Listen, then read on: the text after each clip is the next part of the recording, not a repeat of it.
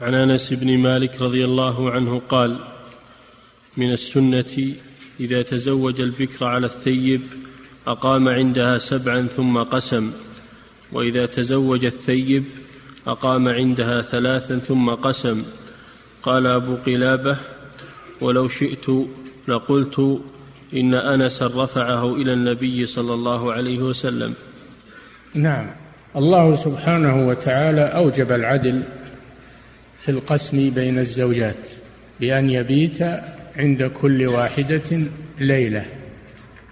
يبيت عند كل واحدة ليلة. هذا حقها. هذا من حقها. فهو يعدل في القسم ويعدل في المبيت. القسم هو المبيت. يعدل في القسم ويعدل في النفقة ويعدل في السكنة ويعدل في الكسوة. يعدل بين نسائه في هذه الأمور. ولا يجوز له أن يميل مع إحداهن ولو كان يحبها. فإن حبه لها لا يجيز له أن يحيف معها.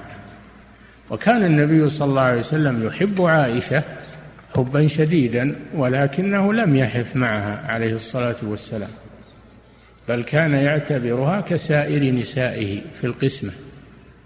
هذا هو الأصل في هذا الباب وهذا هو العدل المطلوب والواجب. قال تعالى فإن فانكحوا ما طاب لكم من النساء مثنى وثلاث ورباع فإن خفتم ألا تعدلوا فواحدة. إن خفتم ألا تقوموا بالعدل في القسمة والعدل في النفقة والعدل في السكنة والعدل في الكسوة فاقتصروا على واحدة أو ما ملكت أيمانكم من الإماء من التسري بملك اليمين. فالتسري بملك اليمين ليس له حد. أما الحرائر فلا بد أن يتقيد بأربع فأقل. أربع حرائر فأقل. ولا بد أن يعدل بينهن في هذه الأمور. أما العدل الذي لا يستطاع فهو عدل المحبة في القلب فهذا لا يستطاع. قال تعالى ولن تستطيعوا أن تعدلوا بين النساء يعني في الحب ولو حرصتم. فلا تميلوا كل الميل. وقال صلى الله عليه وسلم من كانت له من كانت له زوجات فمال إلى إحداهن جاء يوم القيامة وشقه مائل. هذا هذا الميل في الأمور التي يستطيع العدل فيها. فإذا تزوج الرجل امرأة ثانية أو ثالثة أو رابعة إذا تزوج امرأة جديدة وعنده قبلها امرأة أو أكثر فإن كانت الزوجة الجديدة بكرا أقام عندها سبعة أيام متوالية.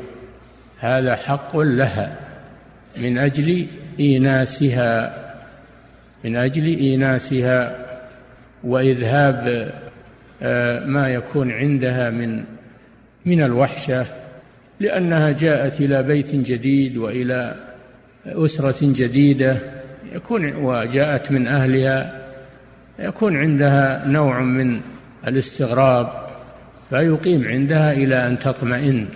ويزول عنها الاستيحاش سبعة أيام ثم يقسم بين نسائه بعد السبعة.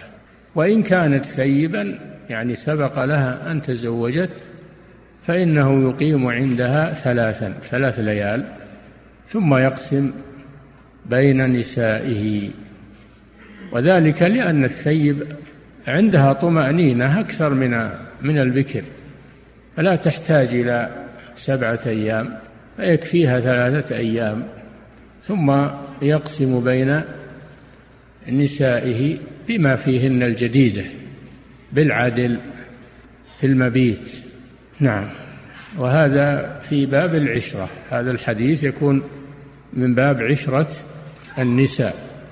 نعم. قال أبو قلابة الله جل وعلا يقول وعاشروهن بالمعروف. نعم. صلى الله إليك. قال أبو قلابة ولو شئت أبو قلابة تابعي وهو روى عن أنس رضي الله عنه. يقول له آه، قال أبو قلابة ولو شئت لقلت إن أنسا رفعه إلى النبي.